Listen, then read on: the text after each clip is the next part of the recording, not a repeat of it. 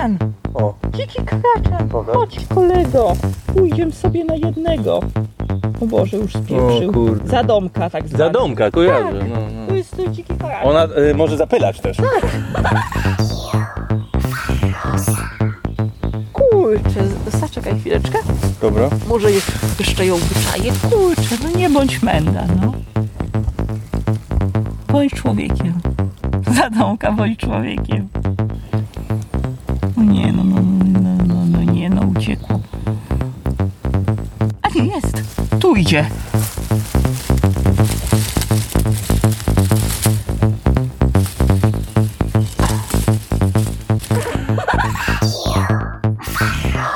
Kacper, przeszliśmy przez temat y, genezy owadów, y, ewolucji karaczanów, y, technologii termitów, cywilizacji termitów. Powiedz teraz, czy tak z perspektywy człowieka i nauki, czy mogą być to organizmy raczej tylko szkodliwe, czy mogą być też pożyteczne i przysłużyć się jakoś nauce? Cóż, zacznę od tego, że niestety my często błędnie postrzegamy świat, bo postrzegamy rzeczy jako jed, jednorodnie dobre albo jednorodnie złe, albo jako jednorodnie użyteczne, albo jako jednorodnie bezużyteczne. Właśnie to powiem, że to była jedna z rzeczy, która sprawiła, że tak intensywnie zacząłem właśnie badać karaczany, termity i tego typu stworzenia, ponieważ zauważyłem, że wszystkie badania, nawet jak były bardzo ciekawe, bardzo interesujące, to w dyskusji przechodziły do jednego. Jak je tępić? W praktyce znaczna część naszej wiedzy na temat tego, jak działają termity, karaczany i jak, jakie są relacje między nimi, co, y, na co reagują, a na co nie, jak rosną, jak się rozwijają, jak się uczą. Wszystko skupiało się tylko na tym, żeby znaleźć najskuteczniejsze sposoby, by je tępić, a w ten sposób cała nauka skupiała się na tym, żeby usunąć je z naszego pola widzenia. Więc krótko mówiąc, znaczna część wiedzy niestety skupiona jest na tym, że są one szkodliwe, co jest zupełną, zupełną nieprawdą, ponieważ tak naprawdę każde stworzenie może być równie użyteczne i równie szkodliwe. Wystarczy jak na to spojrzymy. I właśnie ja chcę przedstawić tą alternatywę od drugiej strony. Najlepszy przykład pszczoły. Pszczoły tak naprawdę są dla nas użyteczne, bo w dużym uproszczeniu dają miód. Ktoś jeszcze powie, zapylają kwiaty, chociaż inne zwierzęta też, więc powiedzmy, że przede wszystkim dają miód. I wszystko inne znika, ponieważ skupiamy się przede wszystkim na tej kwestii ekonomicznej, jaką daje nam surowiec, jaki z nich pozyskujemy. Ale trzeba pamiętać, że tak samo źródłem surowca mogą być dla nas chociażby kraczany czy termity. Wiadomo już teraz, że termity mogą w bardzo, ale to w niewiarygodny sposób przysporzyć y, się szeroko rozumianej biotechnologii, bioinżynierii, ale też chemii, inżynierii materiałów oraz przede wszystkim y, rolnictwu czy medycynie. Generalnie bardzo trudno jest znaleźć gałąź, której termity by mogły się nie przysłużyć, gdybyśmy właśnie pomyśleli o nich nie jak tylko o czymś, co nam zżera drewno, albo jakichś dziwnych parakosmitach żyjących w niedostępnych dla nas częściach tropikalnego świata, tylko jak o istotach, z którymi moglibyśmy koegzystować i które mogłyby poprawić naszą wiedzę o świecie.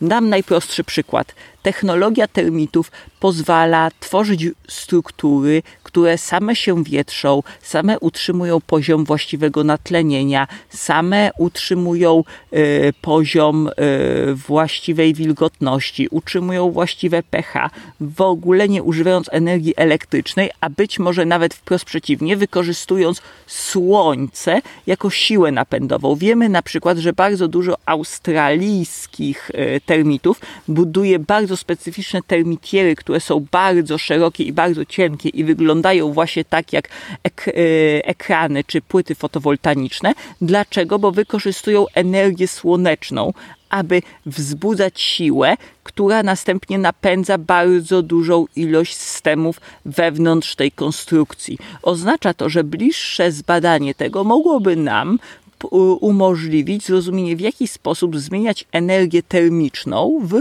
energię mechaniczną w zna- o znacznie lepszej wydajności niż robimy to obecnie.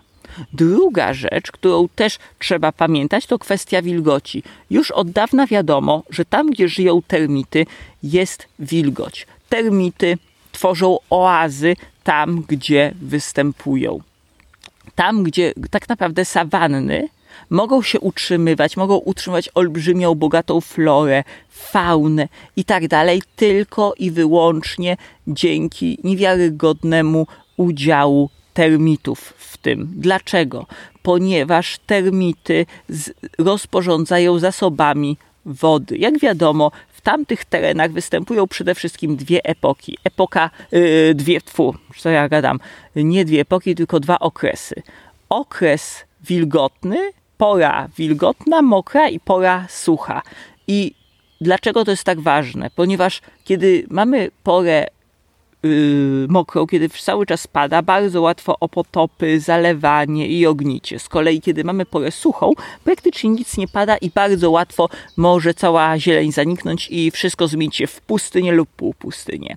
To właśnie termity są buforem, który sprawia, że pory wilgotne na sawannie nie zmieniają się w potopy, a pory suche nie zmieniają sawanny w pustynię. Dlaczego? Ponieważ złożone systemy kanalizacji podziemnej i systemy połączenia podziemnego, które budują, pozwalają utrzymać wilgoć i określoną ilość e, wody w glebie, tak, że starczy dla roślin, a równocześnie starczy i dla nich, bo trzeba pamiętać, że termity przecież tego nie robią dla świata, tylko robią to dla siebie, po to, żeby mieć zapasy wody i jednocześnie, żeby też nadmiar wody im nie szkodził, bo jak wiadomo, nadmiar wody mógłby je też zabić. Więc paradoksalnie buforując wodę dla siebie, buforują ją i dla reszty środowiska. Kolejna jeszcze rzecz, która jest bardzo ważna, to jest już wspominana przeze mnie w poprzednich audycjach ich niesamowita inżynieria materiałowa. Materiały, z których budują termitiery, które są mieszanką różnych rzeczy, ich śliny, ale też różnego rodzaju wylinek, fragmentów kości, hodowanego grzyba. Y, są też oczywiście to części różnych y, roślin, zwierząt znajdowanych w środowisku, gleba i wszystko, co tylko się da. Potrafią budować z tego struktury, które są przy jednocześnie dosyć dużej lekkości są jednocześnie niezwykle trwałe i wytrzymałe. Doskonale wiadomo o tym, że nawet słoń może się wspiąć na termitierę, nie czyniąc jej większych szkód. Potrafią bez problemu ją odbudować, wstawić nowe i sama struktura, mimo że wydaje się jednolita, jest w istocie modułowa. Potrafią roz, e, rozukładać te cegiełki i przebudowywać je na nowo. Gdybyśmy byli w stanie budować coś tak wspaniałego jak termitiery, nasze budynki byłyby o wiele trwalsze, o wiele wytrzymalsze, a przede wszystkim byłyby o wiele prostsze w wyprodukowaniu, bo moglibyśmy znacznie większą część surowców do tego wykorzystać, więc praktycznie surowiec nie byłby limitowany do jakichś określonych materiałów, ale zamiast cegieł czy coś moglibyśmy dowolny kompost tak naprawdę zmieniać w konstrukcje, które są nam potrzebne. Więc to jest kolejny przykład, dlaczego e, termit, e, termitiery są e, nam potrzebne. Więcej też, badając w jaki sposób termity budują swoje komory podziemne i czy tak samo zresztą też, o których wcześniej też wspominałem mrówki grzybiarki, które zupełnie analogicznie to rozwinęły, możemy zrozumieć, jak racjonalnie gospodarować terenem.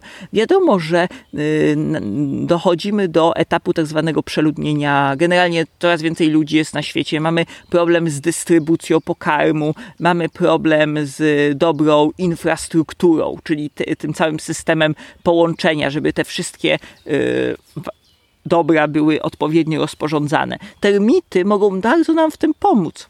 Trzeba pamiętać, że to, co widzimy, kiedy patrzymy na te wielkie termicie kominy, to jest często tylko wierzchołek góry lodowej. Cała większość, całe clue, cała istota tej konstrukcji znajduje się głęboko, głęboko pod ziemią i rozciąga się czasem na całe kilometry. jednocześnie są zdolne na skutek milionów lat selekcji prób i błędów i też przekazi, przekaźnictwa, yy, ponieważ młode osobniki naśladują stare osobniki, wytworzyć system podtrzymujący jak największą ilość zasobów w obiegu przy jak najmniejszych stratach, co mogłoby nam bardzo pomóc w momencie, jak zdamy sobie sprawę, jak nasza cywilizacja wciąż marnotrawi zasoby.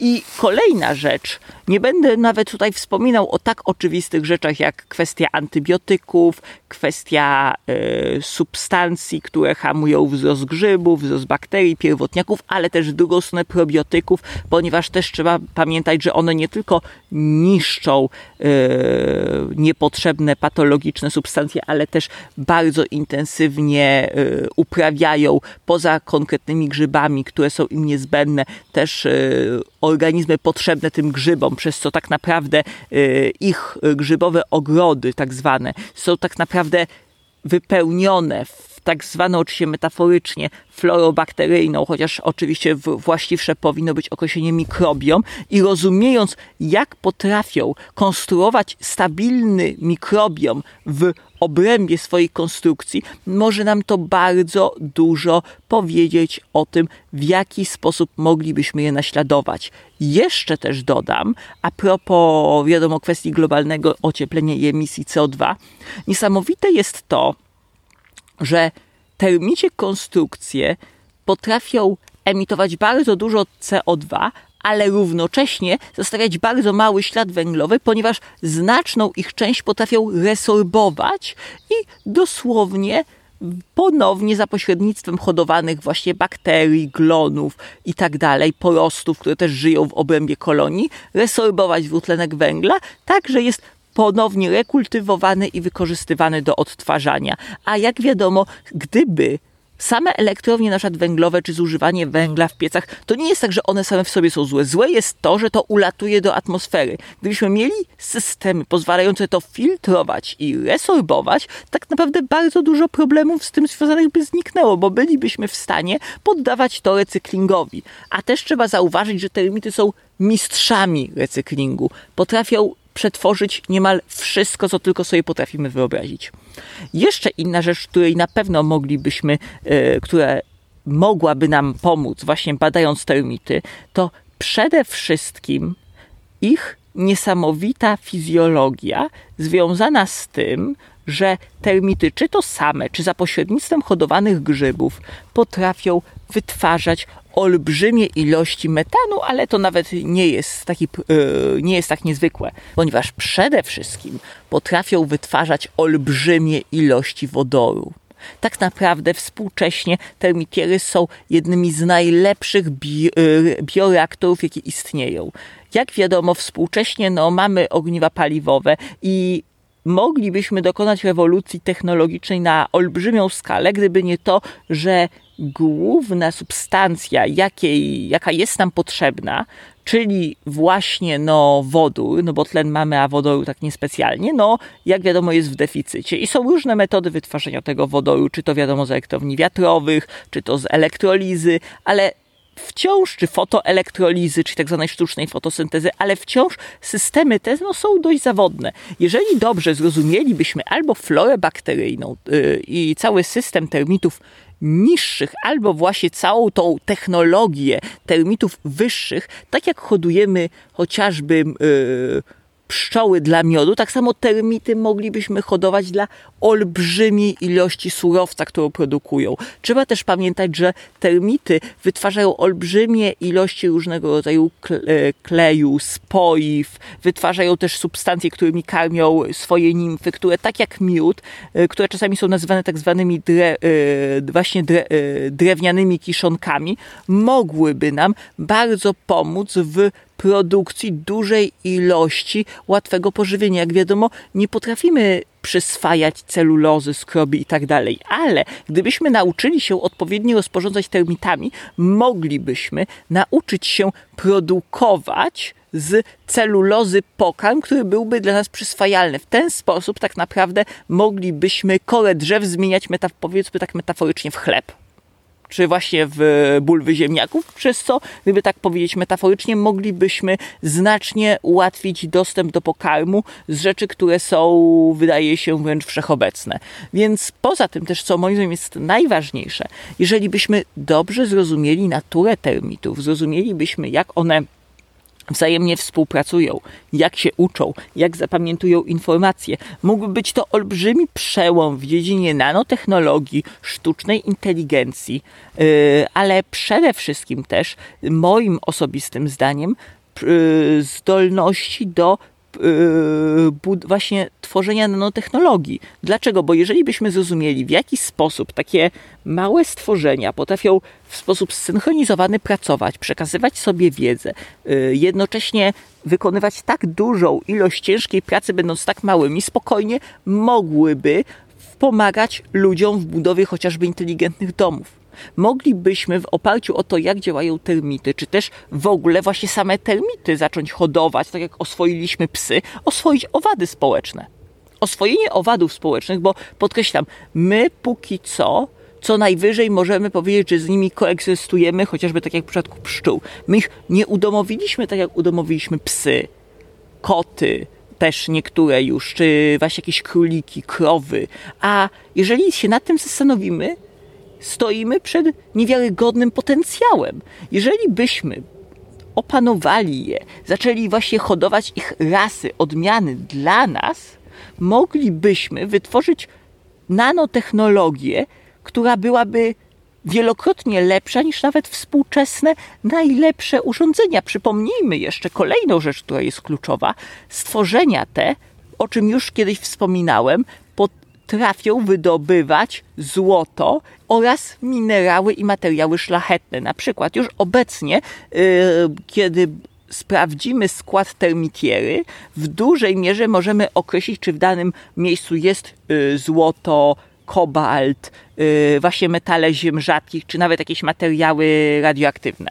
W momencie, gdybyśmy dobrze opanowali te stworzenia i opanowali ich wzrost, rozwój, pracę i tak dalej, mogłyby w dużej mierze pomagać nam w każdym aspekcie. Mogłyby robić za biowskaźniki, mogłyby robić właśnie za e, żywe urządzenia pomiarowe, mogłyby robić za mikrorobotników tam, gdzie no, potrzebne, potrzebna jest właśnie nanotechnologia, trzeba coś z, e, na, w bardzo małych przestrzeniach przebudować. Też e, jeżeli chodzi o system kondensatorów, ponieważ jeżeli przyjrzymy się całej złożonej konstrukcji, jaką jest termitiera, to zobaczymy, że znaczna część podziemna utrzymuje temperaturę nie tylko tego względu, że przepuszcza powietrze, ale że działa tak naprawdę jak superkondensator na sól. W momencie, jak wiadomo, y, kondensator, superkondensatory działają tak, że utrzymują jony w odpowiednim porządku i rozładowują się w taki sposób, że jony się mieszają. Ale jednocześnie nasze superkondensatory wciąż pozostawiają wiele do życzenia i chociaż bardzo wiele energii potrafią zmagazynować, no to bardzo też szybko się rozładowywują. A to, co potrafią zrobić termity, znacznie to przekracza, więc jeżeli się nad tym zastanowimy, zrozumienie i termity są niewiarygodną niszą, której opanowanie, zrozumienie i wykorzystanie byłoby kamieniem milowym w historii. I ja myślę, że właśnie gdybym miał komuś właśnie zaproponować, czy, y, jakby, czy są pożyteczne, ja powiem więcej. Zro, zrozumienie termitów i zrozumienie, jak one, taki może to zabrzmi tak może trochę też y, w sposób taki bardzo makiaweliczny, ale że zrozumienie, jak wspaniałym bionarzędziem mogą być dla nas, sprawiłoby, żebyśmy patrzyli na nie zupełnie inaczej. Co tam mrówka po tobie chodziła? A nie, wydaje mi się, że jakiś pająk i go wypuściłem, żeby po prostu sobie przeszedł. Bo w ogóle też yy, powiedzmy dla słuchaczy, że siedzimy sobie pod, tak jak nam się wydaje, pod kilkusetletnim grabem, dosyć wygodnym, bo korę ma obrośniętą mchem, jest bardzo miękki i patrzymy sobie właśnie na, na olbrzymi, prawdopodobnie stary kopiec kolonii mrówek rudnic. Rudnic, tak. Mrówki rudnice też są bardzo niesamowitymi stworzeniami, bo chociaż są właśnie mrówkami, to też e, to, co niezwykłe, ich kolonie są bardzo no, też okazałe oczywiście, no jak e, na stworzenia, które żyją w klimacie umiarkowanym i widzi, widząc te kopce widzimy też ilość ich otworów, widzimy ich poziom skomplikowania, co sprawia, że osobie takiej, która no, jest zakochana w termitach i termitierach, tak e, serce rośnie, bo ma takie właśnie konwergentne skojarzenie. Okej, wracając teraz do użyteczności karaczanów. Jak mógłbyś wymienić aktualnie, no przynajmniej Patrz tego pająka. Tutaj, o, widzisz? Aha. Idzie akurat. no, Przepiękny. ciekawy jest. No skakuny są na przykład Tak, świetne. Nie? skakuny są niesamowite. Skakuny są też y, owadami, tfu, owadami, pajęczakami, których ym, mają niezwykle wysoką inteligencję, zdolność uczenia się, zapamiętywania, rozwiązywania różnych problemów, a nawet współpracy. Silnie ich ukształtował również dobór płciowy, tak jak na przykład ludzi, tak? Oczywiście.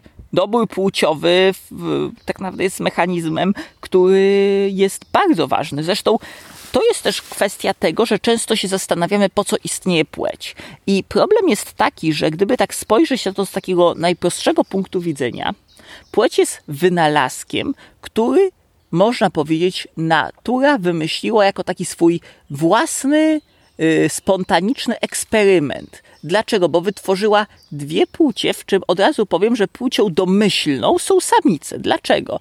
Ponieważ naturalnie jest tak, że komórka jest w stanie, czy to się podzielić, czy odpoczkować na kilka pomniejszych komórek, ale które są autonomiczne i zdolne do przetrwania. I żeby to teraz zrozumieć, po co istnieje płeć męska, która jest swojego rodzaju takim dodatkiem do płci żeńskiej. Można powiedzieć oczywiście metaforycznie, że samice są płcią, która pełni rolę próby kontrolnej, zaś i ten jakby ten właściwy, przeznaczony do użytku program, z kolei samce są jak takie prototypy, beta testy, czy właśnie próba badawcza. Samce pod, y, mają często mniejsze, czy to mniejszą ilość chromosomów, czy to ze względu na testosteron, czy inne hormony mają troszkę zredukowane, czy też wyolbrzymione inne cechy, co sprawia, że trochę inaczej wchodzą w interakcję ze środowiskiem. A dlaczego to jest ważne?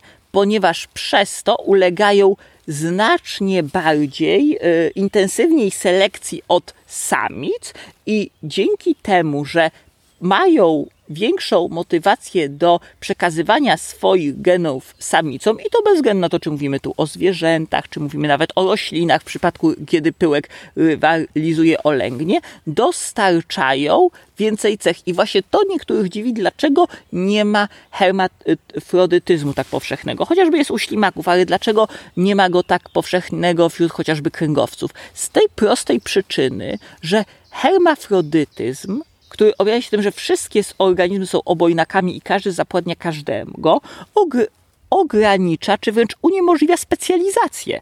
W momencie, kiedy mamy osobnika, który jest wyspecjalizowaną próbą badawczą i tego, który jest tą wyspecjalizowaną próbą kontrolną, znacznie yy, powiedzmy szybciej zachodzą procesy adaptacyjne. Dlaczego? Bo kosztem olbrzymiej ilości samców, które i tak się jakby same nie przekażą potomstwa, zostaje wyselekcjonowany. Najbardziej okazały samiec, czy najbardziej okazała grupa samców w konkretnej sytuacji, bo to też trzeba podkreślić, bo to nie jest tak, że to jest uniwersalnie lepszy czy gorszy, tylko w tych konkretnych warunkach okazał się najskuteczniejszy i przekazuje dane cechy potomstwu. Też trzeba pamiętać o bardzo ważnej y, rzeczy, czyli tak zwanej kwestii ról płciowych, bo one bezpośrednio związane są z doborem płciowym. Tak naprawdę to, co nazywamy rolami płciowymi, jest, która występuje nie tylko u ludzi, bo to też się błędnie uważa, że role płciowe, czyli ten właśnie powiedział seks, gender jest tylko ludzki. Absolutnie nie. Są badania, że u wielu małp, a nawet u innych zwierząt, chociażby psów, yy, czy, inny, czy na przykład yy, gryzoni społecznych, bardzo ważną yy, rolę odgrywają właśnie role płciowe, czyli to gender. Dlaczego? Bo osobnik uczy się zachowań typowych dla samców i samic ze swojej grupy, które z kolei mają korzenie w tym, że najprawdopodobniej przez długi czas stanowiły oś doboru płciowego. Najprawdopodobniej role płciowe wynikają z tego, że samce bądź też samice, rzadziej samice, częściej samce, starają się naśladować zachowania osobników, które w dotychczasowej historii miały największy sukces reprodukcyjny i były w danej społeczności, czy to ludzi, czy to pawianów, nie ma to znaczenia, były traktowane jako modelowy osobnik faworyzowany przez dobór płciowy.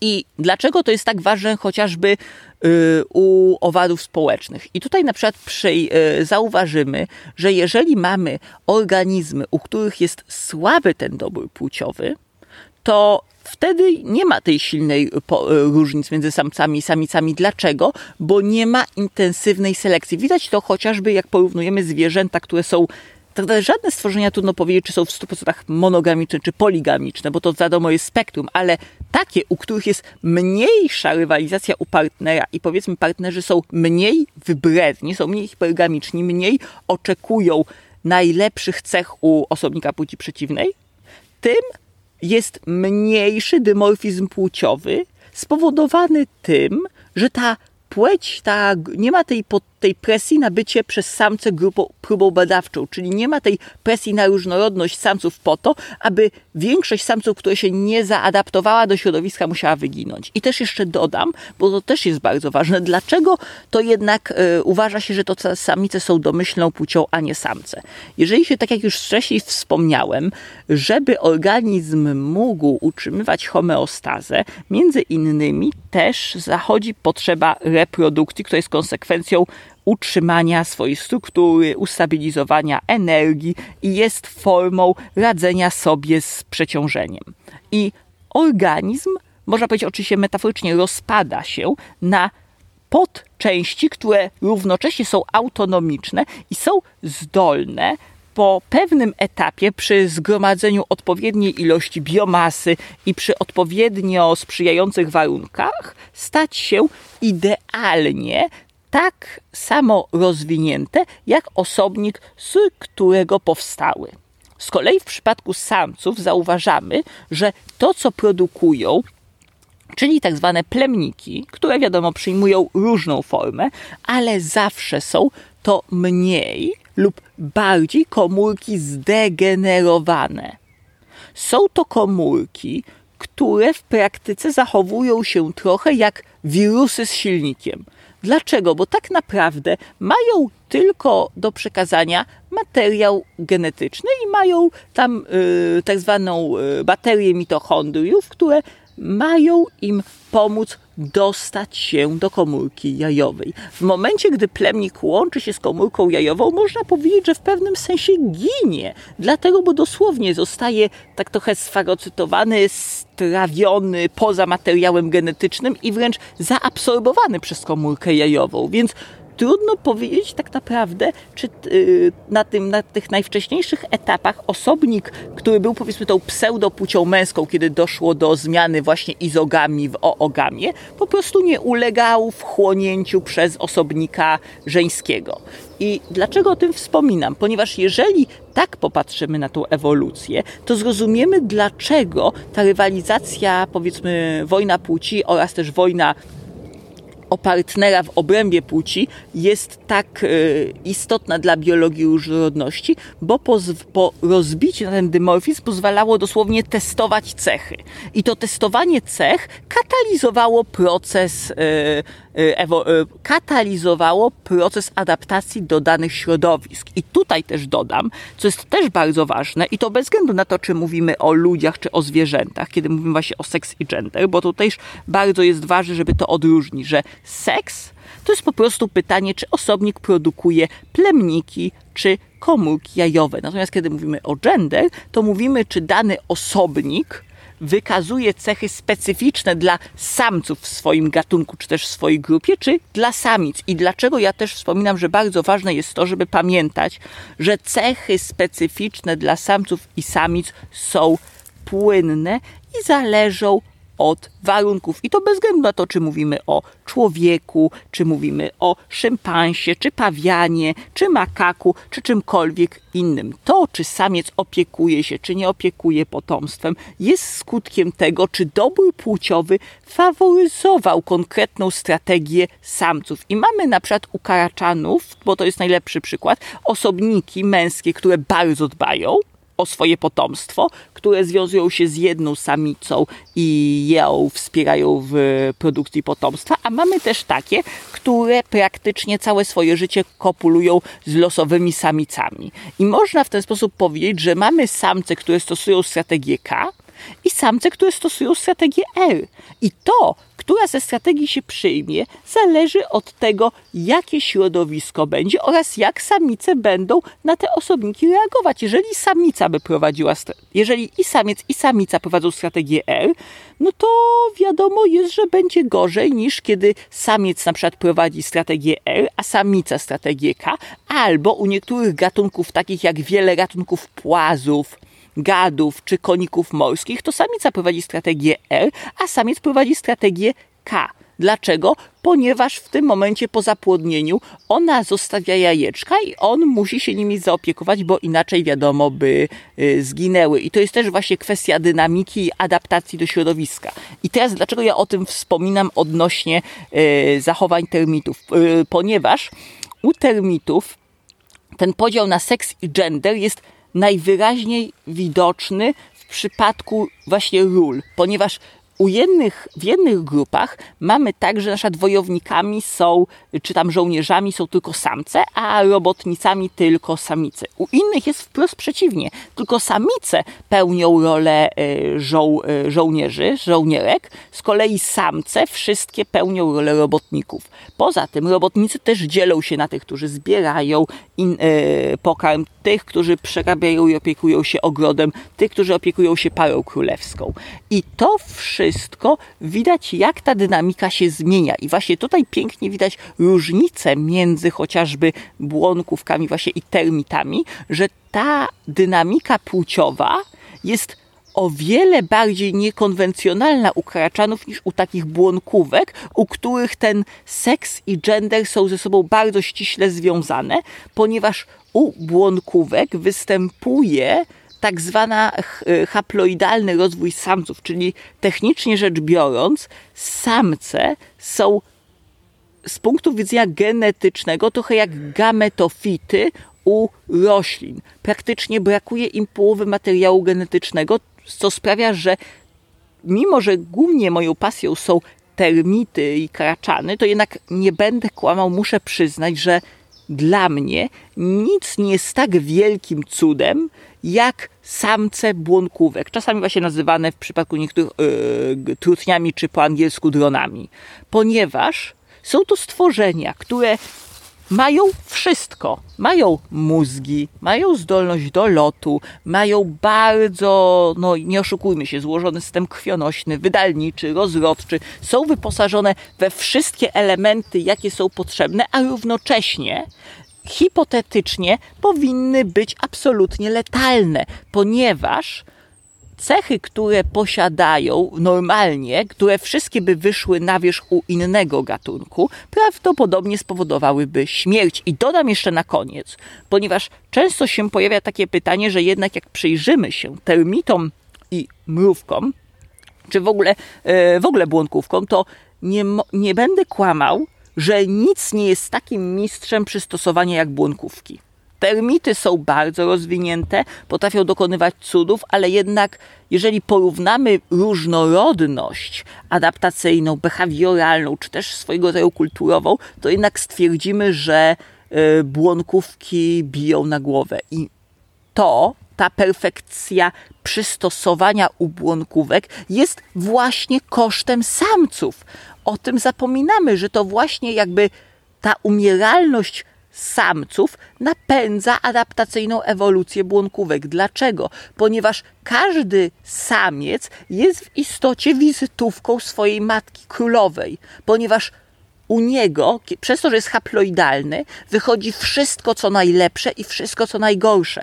Oznacza to, że tylko najmniej zepsuty samiec się rozmnaża. Oznacza to, że nie ma żadnych recesywnych mutacji, które uniemożliwiają przetrwanie, bo jeżeli takie ma, to ginie jeszcze za, zanim się wykluje, zanim się zmieni w larwę, to już umiera tak naprawdę. Więc produkcja taśmowa w ten sposób można powiedzieć, że ewolucja w przypadku błonkówek dokonała cudu polegającego na taśmowym taśmowym produkowaniu prototypów. Dlatego moim zdaniem często też pojawia się takie właśnie niefajne popatrzenie na trud że to taki truteń, nawet przeszło do mowy potocznej, truteń, taki pasożyt, takie coś, co tylko siedzi, żre i śpi. I tak naprawdę, jakby tego nie było, to nawet byłoby lepiej. I właśnie tutaj chciałbym w kontrze powiedzieć, że nie myślcie o trutniach jak o czymś gorszym, o czymś zbędnym.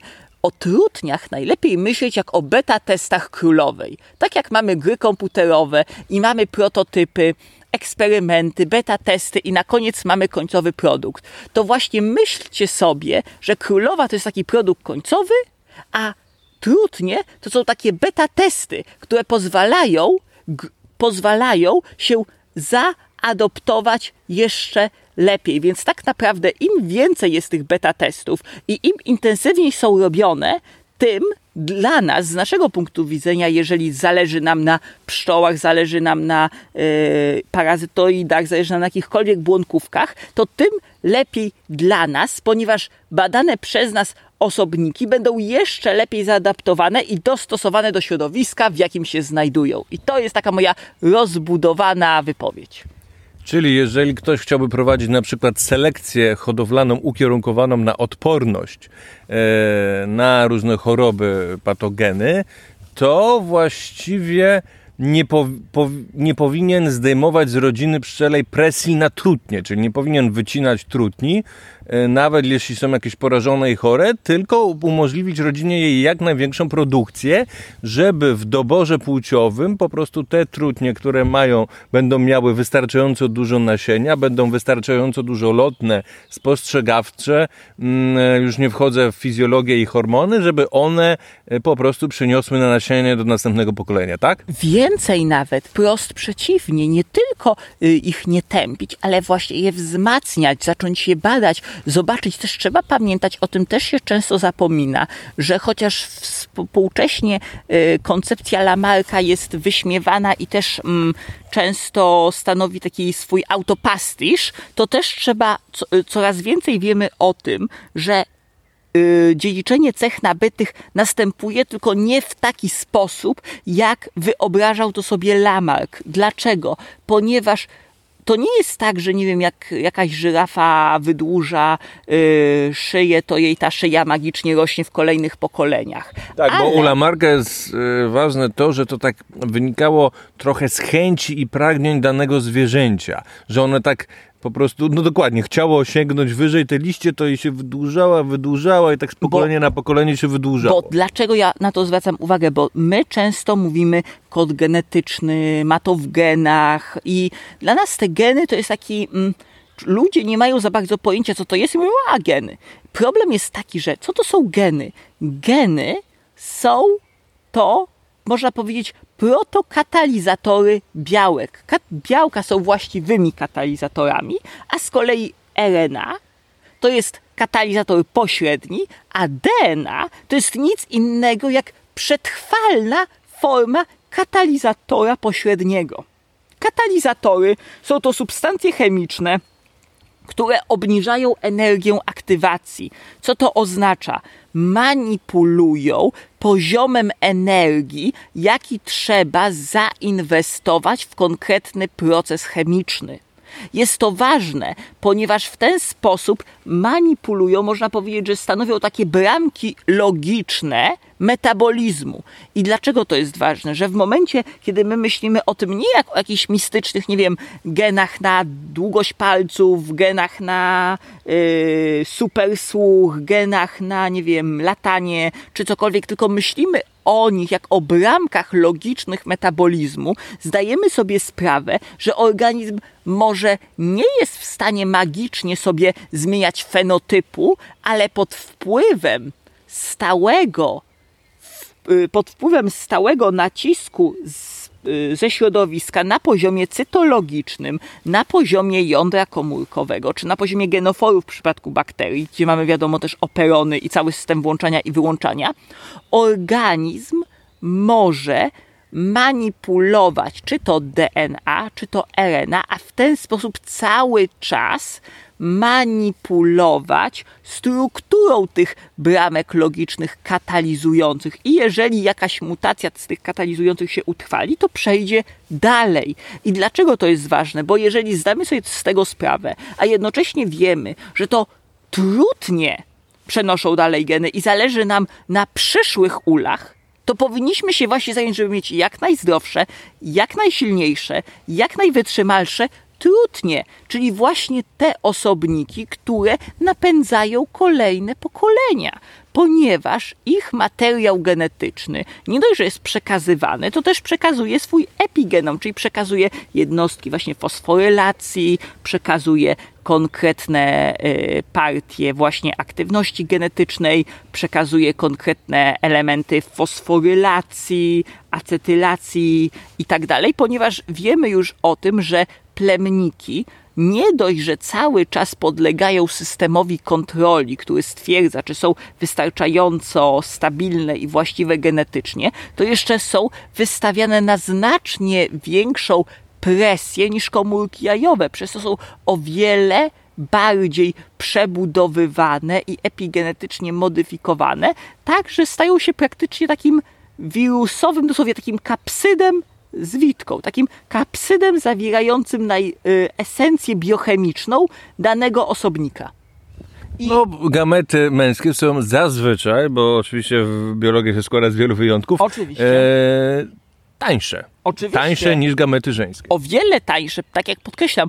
Lepiej o nich, dlatego zamiast myśleć o gametach męskich, najlepiej i o samcach, właśnie myśleć jako prototypach samic. I to jest najlepszy sposób postrzegania, moim zdaniem, yy, płci męskiej, jako taki dosłownie prototyp do samic, taki beta test, który rozwinął się. Dlaczego? Ponieważ testowanie cech na samcach okazało się skuteczniejsze niż inwestowanie w olbrzymią ilość samic, które no, umierałyby i to byłoby o wiele kosztowniejsze energetycznie. O wiele lepiej jest prowadzić na mniej kosztownych energetycznie osobnikach testy po to, aby się utrzymały.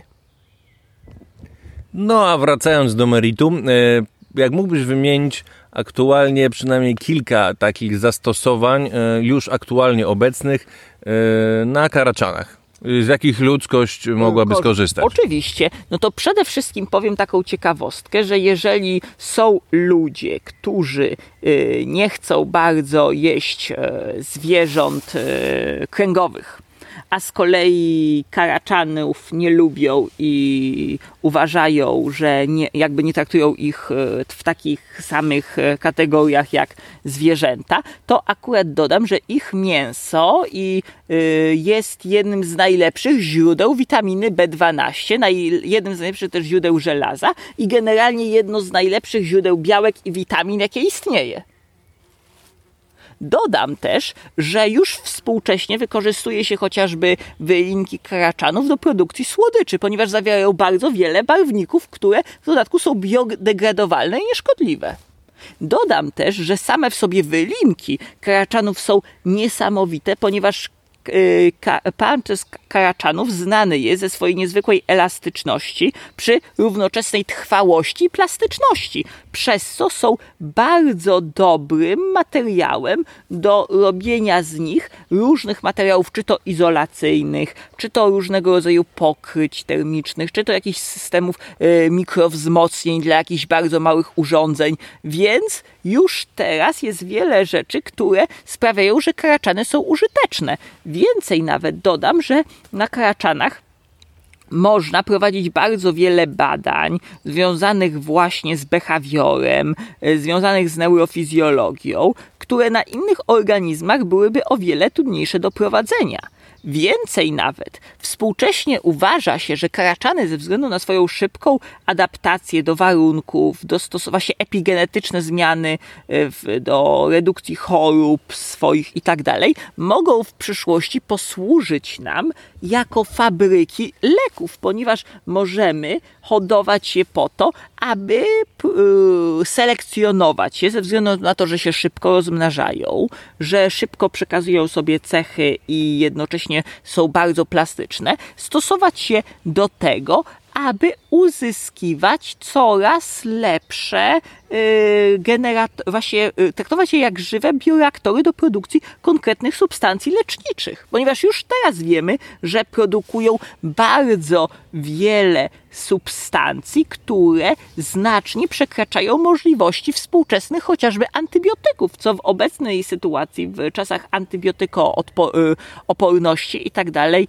nam by się bardzo przydało. Więcej nawet, trzeba pamiętać, że y, karaczany mają bardzo ciekawe systemy ochrony przed wirusami, które wyglądają nieco odmiennie niż konwencjonalne przeciwciała, ponieważ mają bardzo złożone systemy inaktywacji wirusów, czyli zamiast próbować wirusa powstrzymać przed tym, żeby nie wdarł się do ciała, sprawiają, że wirus nie jest w stanie wyjść z komórki. A jak wiadomo, wirus, jeżeli włączy się w komórkę albo zostanie rozłożony w obrębie komórki i nie jest w stanie opuścić komórki, nie jest w stanie się rozmnażać i staje się surowcem takim jak każdy inny dla organizmu. Czyli są w stanie pożerać atakaj, atakujące je wirusy i systemy autofagi też mają bardzo złożone, przez co bardzo dobrze radzą sobie właśnie na śmietniskach i warunkach silnie toksycznych. Tutaj też pojawił się stereotyp, to jest często, że a, lęgnie się robactwo, bo jest brud i często jest takie myślenie, że jest syf i dlatego yy, jest źle. Wprost przeciwnie, ja nawet powiem więcej. Karaczany wcale nie lubią syfu. One lubią czystość one po kontakcie z człowiekiem się myją, ponieważ dla nich jesteśmy o wiele bardziej toksyczni. I tak naprawdę w warunkach, gdzie jest syf i brud, tak naprawdę one bardziej czyszczą ten syf, ponieważ one bardzo przywiązują dużą wagę do wzajemnej higieny, do oczyszczania się. Prawdopodobnie też zachowania higieniczne były motorem zachowań społecznych u karaczanów, które wyewoluowały właśnie u termitów właśnie, że młode osobniki się wzajemnie czyściły i tak to się zaczęło, więc zachowania czystości, dbania o środowisko i właśnie redukowania substancji toksycznych w e, środowisku, wręcz ich rekultywacja i recykling to jest coś, co karaczany robią powszechnie. I dodam też, że gdybyśmy to zrozumieli, to o wiele łatwiej byłoby nam to zaakceptować, że to nie jest tak, że one żyją w brudzie, bo lubią brud Wprost przeciwnie. One żyją, kiedy żyją w czystości, rozmnażają się o wiele lepiej, rosną o wiele szybciej i generalnie radzą sobie lepiej. To jest co innego. One po prostu mogą przeżyć tam, gdzie nikt inny nie może i też mogą pełnić rolę organizmów pionierskich, rozkładać toksyny śmietniska i stwarzać z nich warunki zdatne do życia w przyszłości. A jakie, Kacper, y, ty aktualnie wykonujesz y, eksperymenty, czy w jakich badaniach uczestniczysz na Karaczanach i jakie chciałbyś też y, przeprowadzać w przyszłości? Jeżeli chodzi o mnie, to jeżeli, aktualnie zajmujemy się głównie w Instytucie Nęckiego mrówkami. Mamy zamiar badać, jak wpływa się za pomocą różnych substancji neuroaktywnych na procesy poznawcze umrówek, ich zdolności kojarzeniowe, skłonności do współpracy, skłonności do manipulowania przedmiotami, yy, uczenia się i głównie skupiamy się właśnie jak krótko, średnio i długotrwałe Y, dostarczanie konkretnych substancji wpływa na behawior w mniejszym, średnim i długim czasie. I to jest to, co aktualnie robimy, ponieważ tym zajmowała się ta pracownia jeszcze przed moim dołączeniem i aktualnie ją y, cały czas w tym wspieram. Natomiast już w niedalekiej przyszłości zamierzam skupić się głównie na karaczanach, a przede wszystkim na udoskonaleniu technologii, za pośrednictwem których moglibyśmy nauczyć się, tak mówiąc metaforycznie, z nimi komunikować, tak, aby wykorzystywać je do wielu rzeczy, do których na przykład my nie mielibyśmy dostępu. Bo jeżeli by się udało nam je oswoić, to mogłyby nam w przyszłości posłużyć jako fenomenalne organizmy do zadań specjalnych w różnych miejscach, w których obecnie potrafimy sobie poradzić. W ogóle zajmuję się tym, ponieważ uważam, że przełomem byłoby, gdybyśmy tak na poważnie zajęli się procesem oswajania i udomawiania owadów, bo dotychczas nikt jeszcze tego nie zrobił. Póki co żyliśmy co najwyżej z nimi w koegzystencji. A jedwabnik, Kacper? Właśnie jedwabnik, tak, ale jednak jest to też w dużej mierze korzystanie raczej z produktów jego działania. Podobnie jak właśnie jedwabnik, tak jak pszczoła, jest organizmem, właśnie tutaj jest dobry przykład, którego produkty wykorzystujemy, ale którym nie mamy nad nim tak kontroli, jak mamy nad krową, kozą, świnią, yy, psem, kotem. Generalnie to, co jest moim zdaniem bardzo istotne, to jednak w procesie hodowli nie chodzi tylko o to, żeby uzyskiwać produkty z tego zwierzęcia.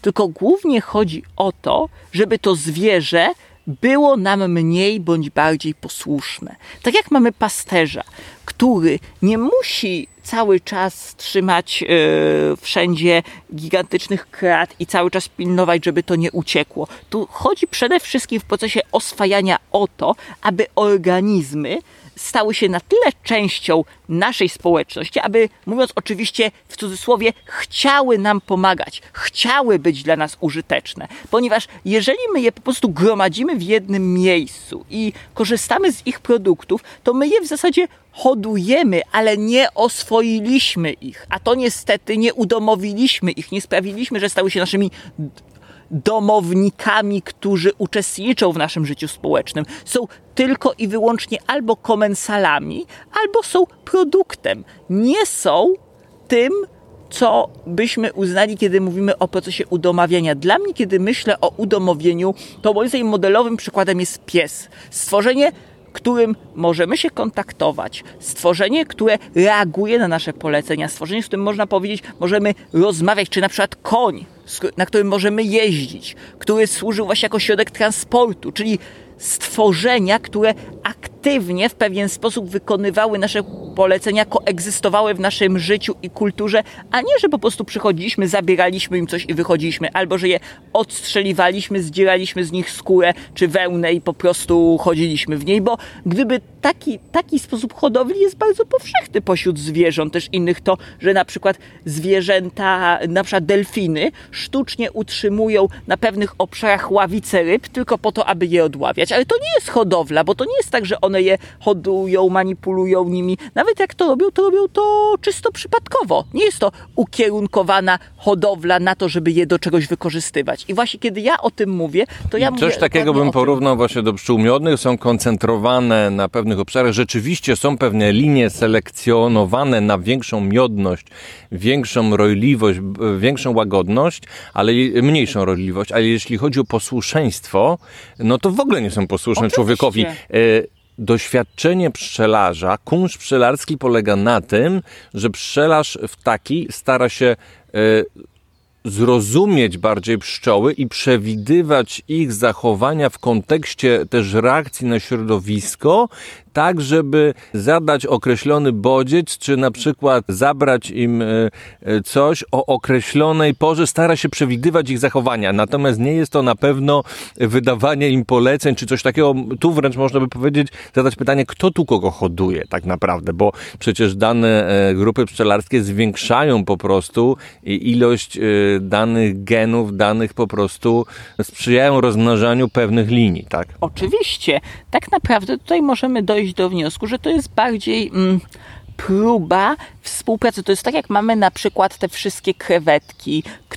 czy rybki, czy chociażby jeszcze lepszy przykład ptaki, które wy, wydłubują pasożyty z różnych drapieżników i mamy te powiedzmy tak zwanych czyścicieli, co też jest bardzo powszechnym procederem zarówno na lądzie, jak i pod wodą. I tu też można byłoby powiedzieć, że któraś sona którąś hoduje, ale podkreślam, to też nie jest udomowienie, oswojenie. Jeszcze lepszym przykładem, moim zdaniem, jest to, że zwierzęta na przykład różnych gatunków są w stanie na przykład zbiorowo polować, żeby zbiorowo mieć jakiś tam rezultat z tego. I to też są bardzo wszystko ciekawe interakcje, ale jednak nie jest to hodowla w takim stopniu, jakim byśmy tego potrzebowali, bo w momencie, kiedy mówimy udomowienie, rozumiemy coś, nad czym mamy konkretną kontrolę, bo w taki sposób, mówiąc o tym, że trzymamy coś w zamknięciu i że korzystamy z tego, tak samo można powiedzieć, że zwierzęta w trzymamy, a są to cały czas stworzenia dzikie. My je po prostu ograniczamy ich wolność przemocą, siłą, bo albo na przykład urodziły się i nie wiedzą, że mogą uciec,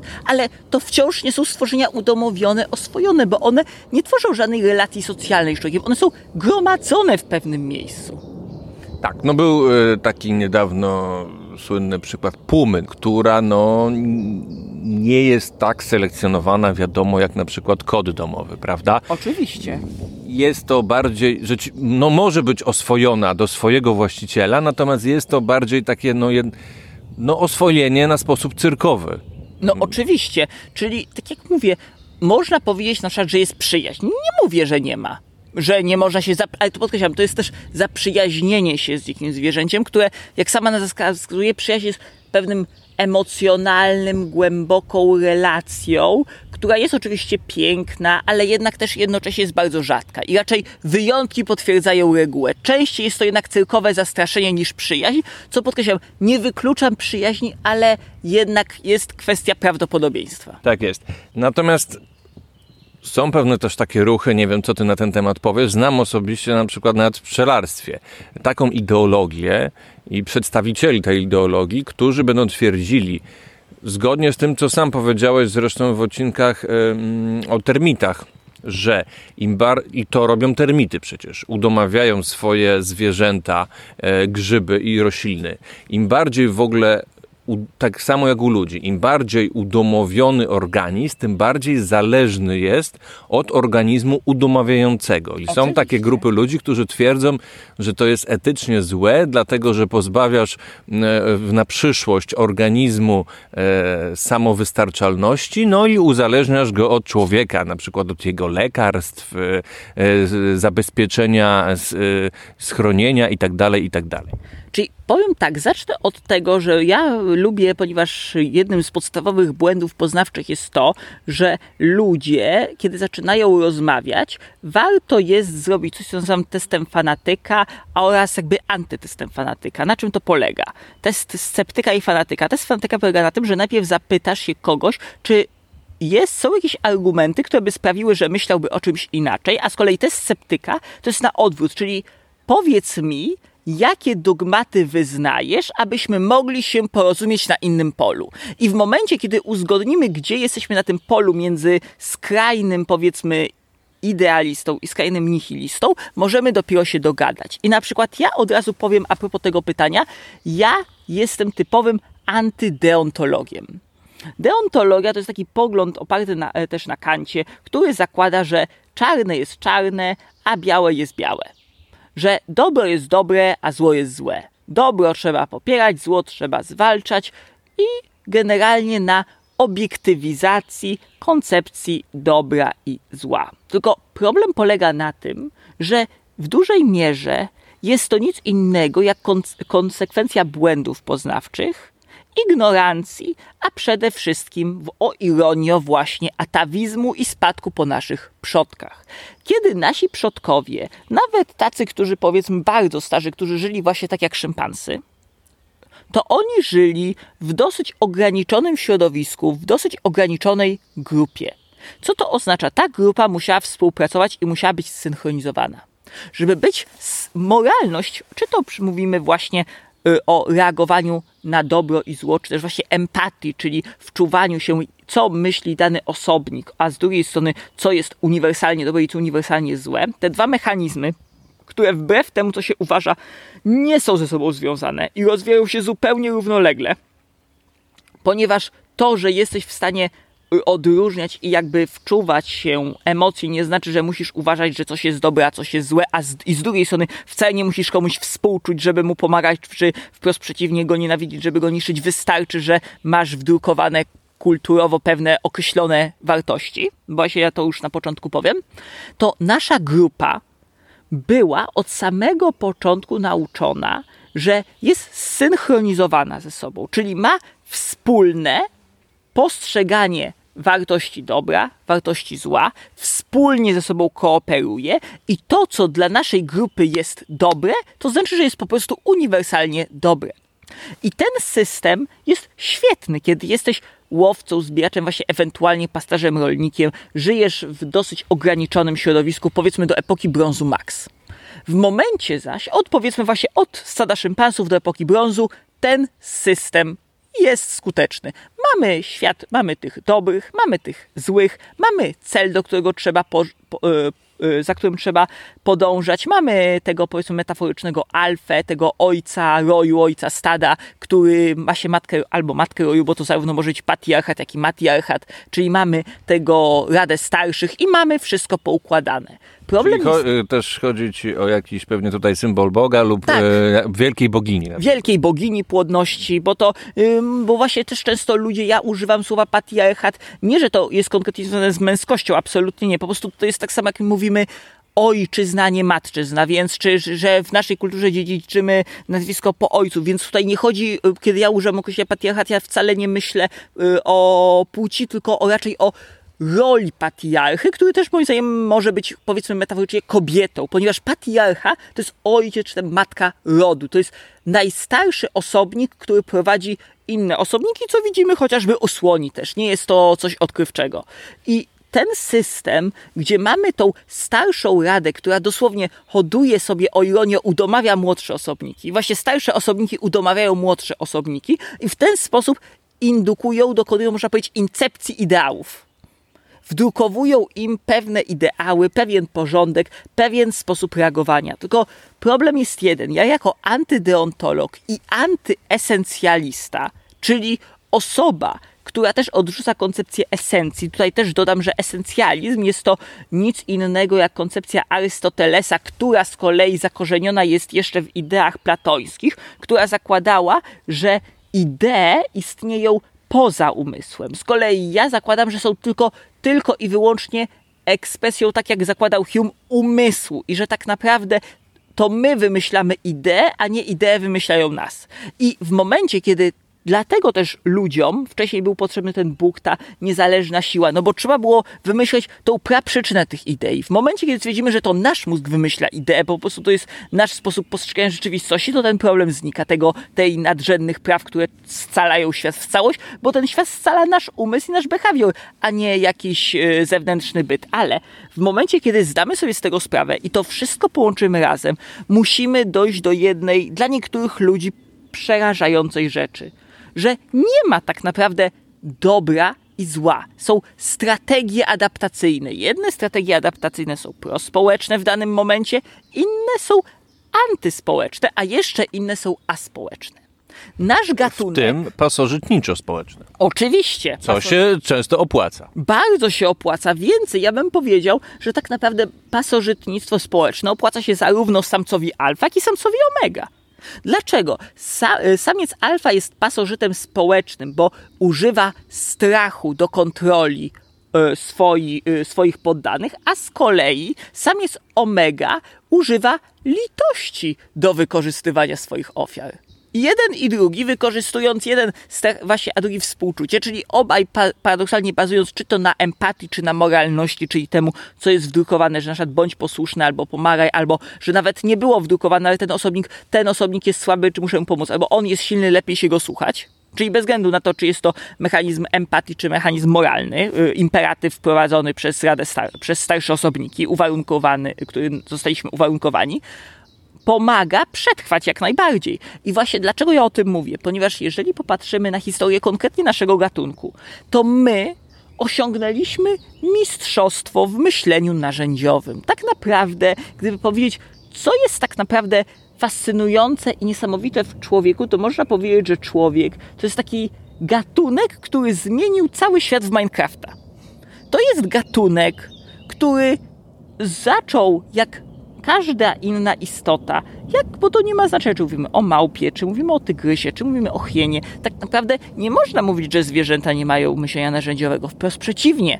Myślenie narzędziowe jest chociażby niezbędne do orientacji w terenie, jest niezbędne do łączenia faktów, jest niezbędne do y, manipulowania obiektami w otoczeniu, co potrafi masa stworzeń, nie mówiąc już o owadach, które są też tego mistrzami, chociażby jak wspominam, te właśnie termity. Problem jest taki, że nasz gatunek dokonał czegoś niesamowitego. Po prostu, będąc ssakami, będąc tak naprawdę no, małpami wyższymi, po polsku, po angielsku się mówi apes, jest prościej, po, angielsku, po polsku można być małpami wyższymi, bo w praktyce człowiek to jest taki tak naprawdę szympans, który pozornie, gdyby uciąć człowiekowi głowę, to jest w istocie szympansem, który jest przystosowany do życia na sawannie. Po prostu szympansem, który, jest, który nie ma, wiadomo, przeciwsta- ma nogi, i jest cały czas wyprostowany, jest do, do tego, żeby być tak jak taka surykatka, taki, taka szympanso surykatka.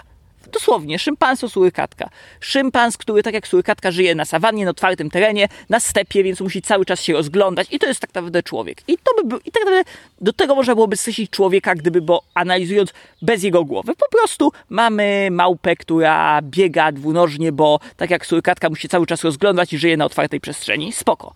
Ale człowiek dokonał czegoś niesamowitego. Człowiek cały swój potencjał, tak jak chociażby konie, tak jak mamy małego Eohipusa, gdzie była konkretnie ukierunkowana selekcja w kierunku biegu i w kierunku właśnie wytrzymałości w bieganiu, tak w przypadku człowieka była selekcja w kierunku myślenia narzędziowego.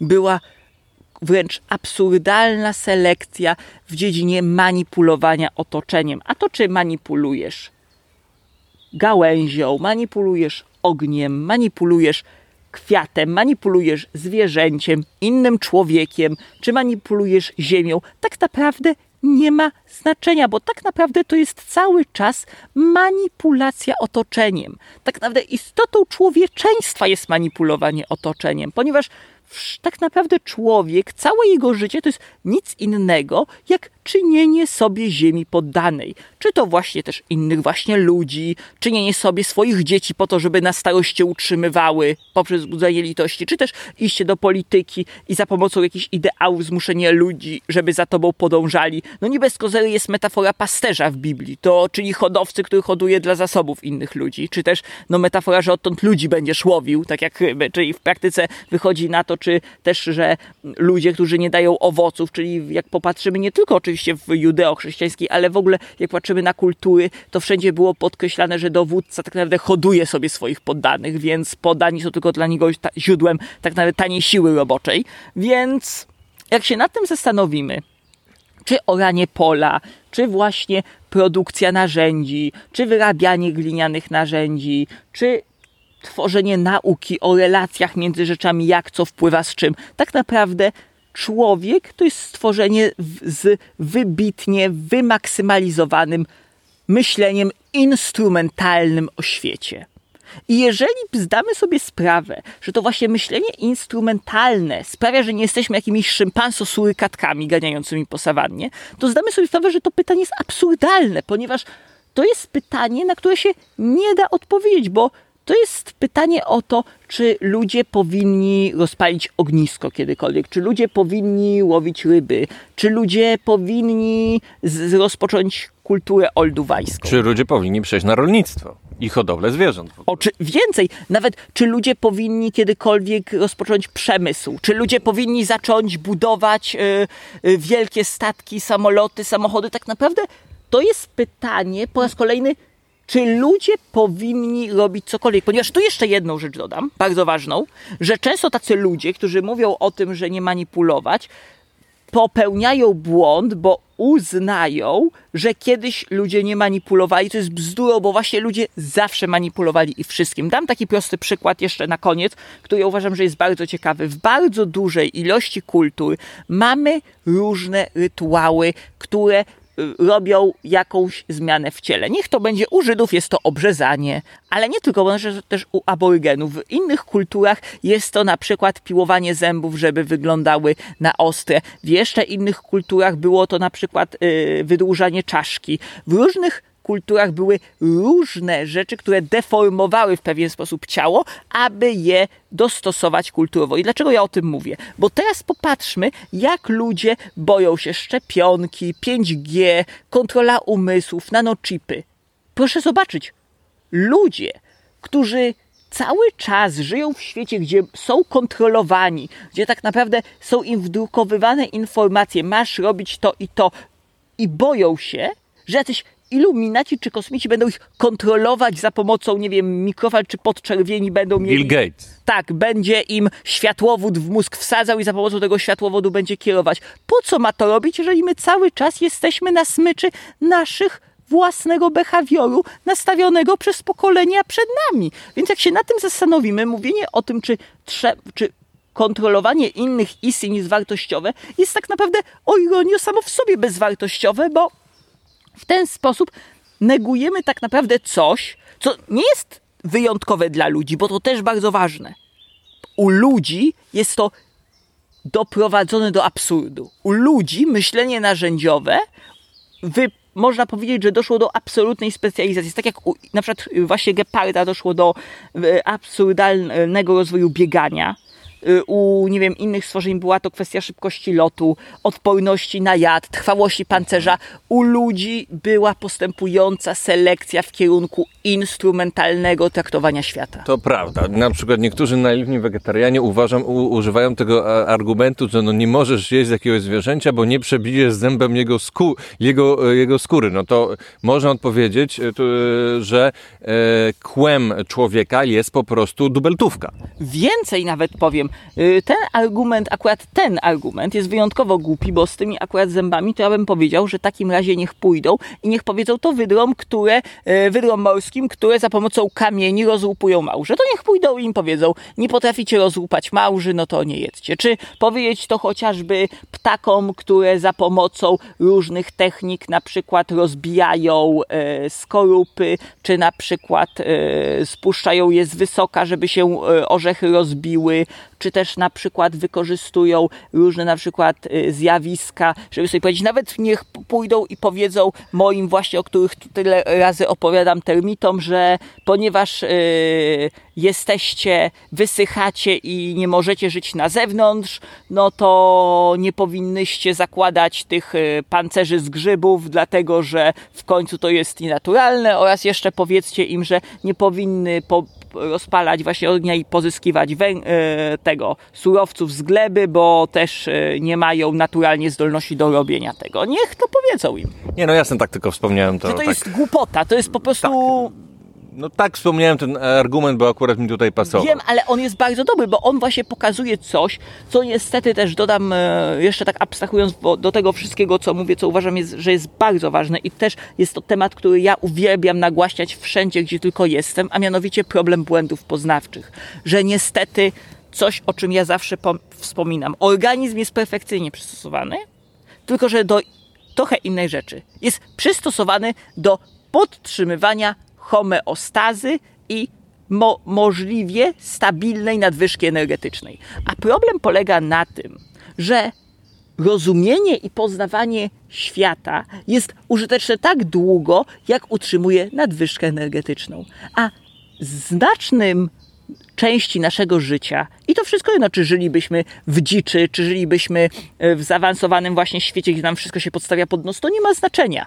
W każdym z tych światów głębok, powiedzmy, osobowość sceptyka, eksperymentatora nie jest najskuteczniejszą adaptacją, bo zużywa olbrzymią ilość czasu, zużywa olbrzymią ilość energii, którą o wiele łatwiej y, poświęcić na y, rozwój własnej biomasy, jej stabilizację itd. Tak Produkowanie dzieci. Produkowanie dzieci. No dobrze, a wracając do hodowli y, owadów, ty chyba też zamierzasz e, takie eksperymenty w przyszłości prowadzić. Oczywiście, jak najbardziej. Zamierzam sprawdzić, jak wiele możemy rozwinąć, na jak wiele może nam się po, e, może nam pozwolić właśnie e, bar, taka super, jakby powiedzmy, ewolucja przy użyciu maksymalnej technologii, jaką mamy czy jesteśmy w stanie doprowadzić do wyspecjalizowania jakichś cech w bardzo krótkim czasie i generalnie jak bardzo możemy wpływać na behawior tak, żeby był również dla nas wysoce użyteczny, pokazując jak wiele może nasza technologia, y, y, jak wiele możemy uzyskać, jeżeli właśnie do tego krzemu, y, który obecnie mamy, dołożymy właśnie żywe komórki. Okej, okay, a powiedz też o tym, e, no o tej twojej idei, którą chcesz prowadzić życie odnośnie badań. Chcesz jakoś tak przeselekcjonować karaczany, żeby były e, jeszcze bardziej socjalne niż są. Tak, e, przede wszystkim jestem ciekawy. Ten eksperyment się tak trochę zainspirowałem, kiedy czytałem o eksperymencie o wyhodowaniu lisów, które były wiadomo bardziej sprzyjały, były bardziej powiedzmy przyjazne ludziom, no bo trudno powiedzieć udomowione, ale przyjazne ludziom niż selekcjonerem hodowczym był y, radziecki badacz Bielajew. Tak, Bielajew, który właśnie postanowił po, po, powiedzmy, że to jest taka ciekawostka, że, że niesławny, powiedzmy, niesławny naukowiec Łysenko, który właśnie doprowadził, wiadomo, też do tragedii i tak dalej. I kilka jego koncepcji też nie było złych, tylko że niestety problem był taki, że on odrzucił zupełnie, na, na, zacznijmy od tego, ideę genów, a dwa, on y, uwa y, też z, y, uważał, co jest oczywiście też bzdurą, że wszystko po, y, w naturze zachodzi za pośrednictwem rewolucji i próbował siłą, jakkolwiek to nie absurdalnie, zmusić organizmy do tego, żeby nagle, nie wiem, pomarańcze zaczęły rosnąć na Antarktydzie, no, czy tam właśnie na Syberii. Co jest bzdurą, ponieważ trzeba zrozumieć, że wszystko zachodzi w czasie, czyli tak naprawdę nawet powiedzieć, problem jest taki, że to nawet nie jest tak, że Łysenko, właśnie zaraz wytłumaczę, dlaczego do tego się odwołuje. Łysenko yy, w swoim pomyśle odrzucił genetykę. On odrzucił metabolizm, bo on założył, że organizm o konkretnym metabolizmie można przemodelować, co nie ma sensu, bo to jest tak jak zabawa w Jeżeli weźmiemy zbyt dużo klocków, to wieżyczka się rozpadnie. I dlaczego właśnie te, teraz idealnie wspomniałem? Ponieważ jest yy, naukowiec, właśnie o którym wspomniałeś, postanowił połączyć te koncepcje i pokazać, że koncepcja plastyczności, jeżeli ją umiejętnie połączy z genami, może rzeczywiście dawać fenomenalne rezultaty. Czego właśnie przykładem są chociażby właśnie te yy, liski, które są jak takie małe, słodkie pieski. Tak jest. I dodam jeszcze, Było że. chyba kilkadziesiąt pokoleń wystarczyło, aczkolwiek oczywiście one nie są jeszcze tak jak pluszowe pieski. E, znaczą terytorium moczem i tak dalej, mają mocniejszy zapach no, ale na pewno nie są już takimi e, stuprocentowymi dzikimi lisami. Nie, no to, to, to absolutnie, to już e, nie jest to. Natomiast są, bym powiedział, bardziej na, jak współczesne koty. Ja bym powiedział, że im jest bliżej do kotów domowych z. Właśnie, bo w tym rozmowie też o procesie domostykacji nie można zapominać, że jak wszystko w przyrodzie to jest proces. Oczywiście. To nie jest zerynkowy, że mamy przeskoczenie, bam, dzikie udomowione. Możemy mieć różną stopniowalność po drodze. Oczywiście. I na przykład właśnie fenomenalnym spektrum, moim zdaniem, do badania jest porównanie psa i kota, gdzie można powiedzieć, że kot jest na samym początku tego, a pies jest już tym bardziej finałowym rezultatem, czego najlepszym przykładem jest, jeżeli porównamy chociażby różnorodność kocich ras i psich ras. Psi, koty mniej więcej wszystkie oczywiście mają różne kolory futra, ale względnie wyglądają podobnie. Natomiast psy wyglądają tak, że gdyby ktoś nie wiedział, a znajdował szkielety, czy nawet by znajdował w dzikich warunkach, stwierdzałby, że ma do czynienia z olbrzymim ekosystemem, w ogóle z jakimś, y, co, naj, co, naj, y, co najmniej jakąś całą rodziną. Ale jak mógłbyś zdradzić, wracając do, tych, e, do tej twojej idei, tego, e, tych eksperymentów, e, jak zamierzasz selekcjonować no, te karaczany na socjalność? Y, powiem tak, y, nie będzie to taka tylko zwykła selekcja, właśnie taka automatyczna, lecz przede wszystkim chcę połączyć to, co obecnie wiemy o neurobiologii, co wiemy właśnie o neurochemii, co wiemy o biomedycynie. Mamy też różne zaawansowane systemy diagnostyczne i mam taki pomysł, że chciałbym zbadać, czy kilka koncepcji właśnie odnośnie neuroneotenii i też kwestii właśnie wzajemnego czyszczenia się, wzajemnej współpracy i tak dalej, można y, przy odpowiednio rozwiniętych metodach doprowadzić do tego, żeby sprawić, żeby wyhodować organizmy, powiedzmy, które z karaczanów, które i tak są już, powiedzmy, w, podspołeczne, bo to też jest bardzo ważne, że nie zaczynam od zera, nie zaczynam od jakiejś tak zwanej osy niższej, bo też tutaj dodam, o czym zapomniałem wspomnieć, że y, kiedy mówimy o błonkówkach, y, to wszystkie błonkówki y, społeczne, są określane mianem żądłówek i też są określane mianem os wyższych, ponieważ osy niższe, do których należą rośliniarki i tak zwane właśnie protoparazytoidy, bo to też jest bardzo ważne, bo już osa szmaragdowa jest osą wyższą, to wszystkie parazytoidy, tak zwane niższe, są to organizmy wybitnie samotne i wybitnie terytorialne.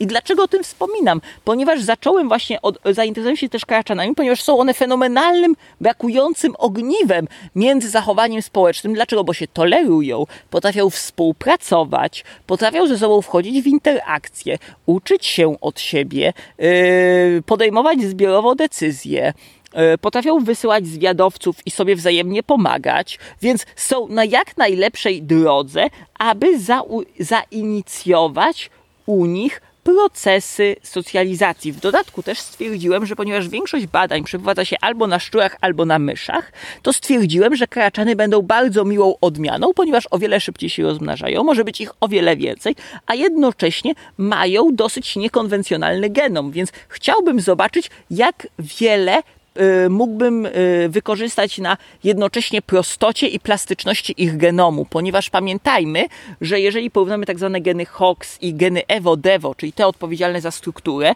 to owady mają ich o wiele mniej, ponieważ u kręgowców doszło do ich y, poliploidyzacji. Jest ich wielokrotność, przez co jest o wiele też większe ryzyko błędu, popsucia się i tak dalej. Na przykład dlatego pan Golik opowiada, że mamy jadalne kasztany, a nie mamy jadalnych żołędzi. Z tej prozaicznej przyczyny, że żołędzie są o wiele trudniejsze do przerobienia na jadalne, a kasztany mniej trudniejsze.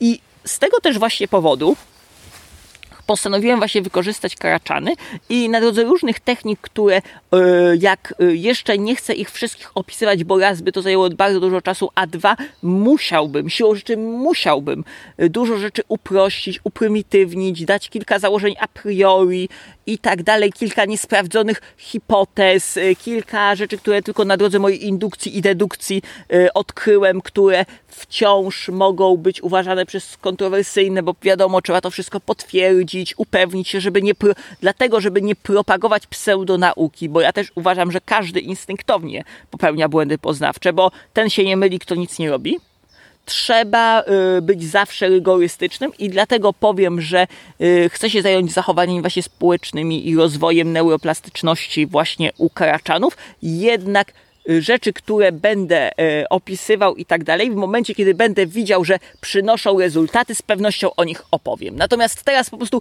nie chciałbym e, opowiadać ludziom bzdur, którzy będą tego słuchać. Rozumiem. Mam nadzieję. przygotować, e, zainteresować się, a na przykład okaże się, że kilka moich pomysłów okaże się nietrafionych, natomiast na pewno wiem, że chcę to połączyć z moją w ogóle szeroko, szeroko szerokim spektrum zainteresowań. Dodam jeszcze, że w obrębie tych badań chcę uwzględnić kilka moich prywatnych pomysłów, które polegają między innymi na tym, że większość badaczy, o czym już wspominałem wcześniej, zakłada prymat genów nad metabolizmem, a ja właśnie od metabolizmu wychodzę, przez co jest kilka szczegółów, które chciałbym porządnie przebadać i w momencie, kiedy zobaczę, że przynosi to swoje, powiedzmy metaforycznie, owoce i plony, to z pewnością się też y, to opiszę publicznie, tak żeby się tego nie musieć wstydzić, że mówię rzeczy bez pokrycia.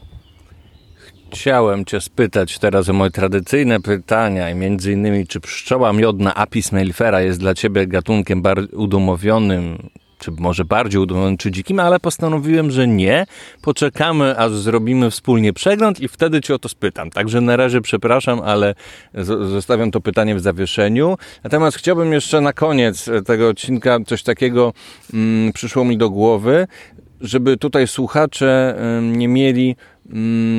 Takiego wrażenia, że jak się tak ty opowiadałeś, ja cię pyta, pytałem tą użyteczność dla ludzi, można powiedzieć, no taki humanistyczny, praktyczny trochę argument tych twoich badań, to ta, tak, to w żaden sposób yy, znaczy nie usprawiedliwia prowadzenia tych badań, dlatego że trzeba podkreślić, że głównym celem istnienia nauk podstawowych jest po prostu ciekawość świata. I, mo, i, i pasja jakiegoś naukowca i zainteresowania danego tematem są wystarczającym argumentem, żeby to badać. Więcej powiem nawet. Tak naprawdę te rzeczy, o których mówię, technologiczne i tak dalej, wynikają u mnie z takich pragmatycznych rzeczy, że jeżeli by to zadziałało, to miałbym więcej pieniędzy, które mógłbym zainwestować w dalsze badania, czyli krótko mówiąc, chciałbym uzyskać takie ekonomiczne perpetuum mobile, żeby cały czas mieć kolejne dostawy pieniędzy, żeby inwestować w badania, bo od razu powiem, że wszystkie te rzeczy tak naprawdę są tylko przy okazji. Tak naprawdę wszystkie badania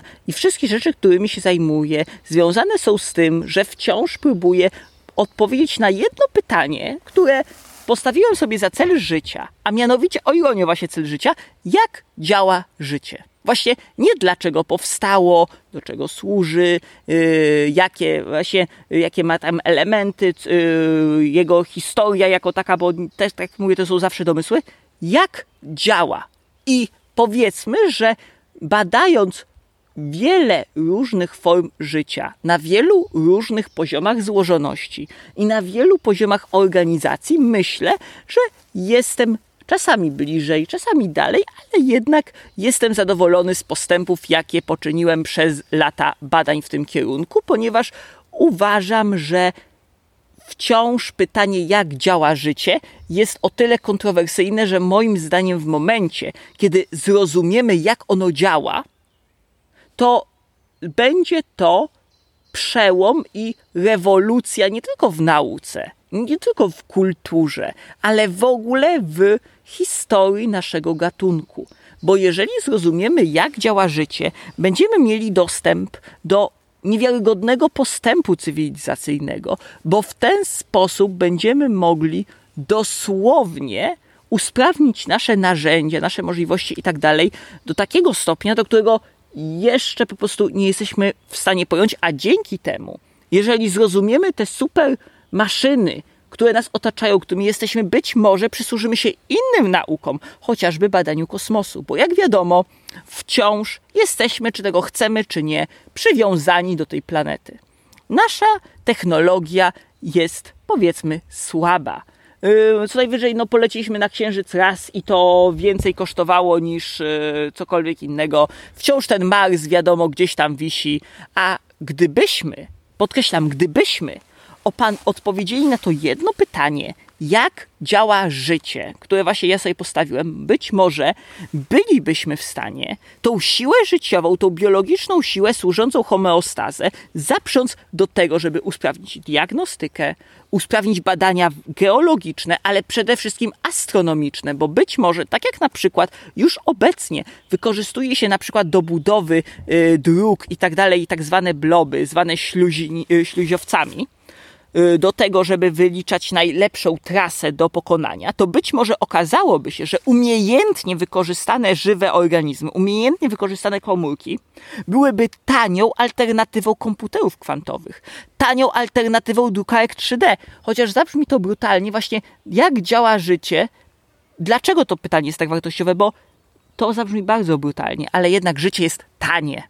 Wszystkie technologie, które potrzebują minerałów, ziem rzadkich, potrzebują substancji radioaktywnych, potrzebują złożonych systemów półprzewodnikowych, muszą być czyszczone, muszą być budowane w fabrykach de novo, są pozbawione autonomii, pracują przy nich sztaby ludzi, którzy muszą używać tego naj, najbardziej, powiedzmy, nieopłacalnej części mózgu, jaką jest świadomość, bo muszą świadomie te wszystkie rzeczy dogadywać zawiązywać konsensusy, w fabrykach to produkować. W momencie, gdybyśmy zrozumieli, jak działa samoorganizacja. Być może ta technologia i ten clue, ta siła, która to właśnie integruje, która jest w 100% materialna, mechanistyczna i można ją wyjaśnić na podstawie zwykłych praw fizyki, pozwoliłaby nam pokonać ograniczenia, których krzem nie jest w stanie pokonać. Przez co nie tylko nauka biologii by zyskała, ale w ogóle nasza możliwości poznawania świata wzrosłyby niewiarygodnie to, co teraz wydaje się magią, mogłoby się stać oczywistością. I to jest jeden z powodów, dlaczego tak intensywnie zajmuję się biologią, bo uważam, że wciąż śmieszne jest, że my jako gatunek próbujemy badać świat, kosmos, a wciąż nie rozumiemy, jak w sumie działamy. W sumie, co, co to znaczy, że działamy? No jesteśmy, jesteśmy, no i nas nie ma. No. I nie chodzi tu o pytanie, co się dzieje po śmierci, czy coś, bo to jest teologia, to są baśnie, folklor i właśnie tradycja kulturowa. Tu chodzi o to, co się dzieje, kiedy umierasz? Co się dzieje w momencie, kiedy z tego ciała metaforycznie wyjmuje się wtyczkę? Co się wtedy dzieje? I dlaczego tak często ponownie tej wtyczki włączyć nie można? Co się tam tak naprawdę dzieje?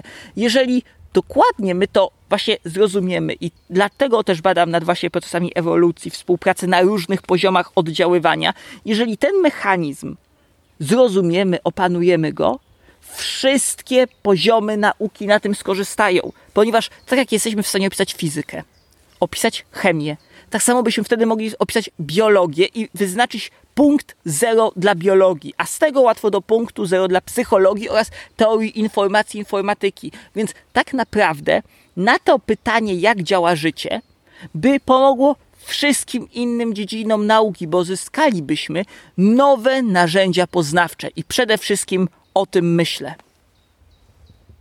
Cóż, nic już nie dodam, tylko spróbuję eee, ten, zobaczyć, czy można będzie usłyszeć trochę dźwięk mrówek.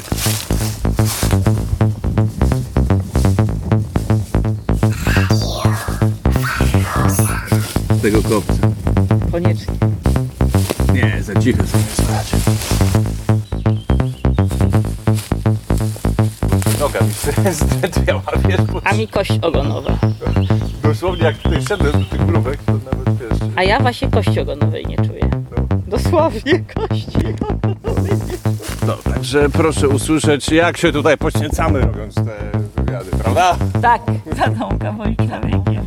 Dobra, pozdrawiamy do następnego odcinka. Tak, człowiekiem. Bądź człowiekiem.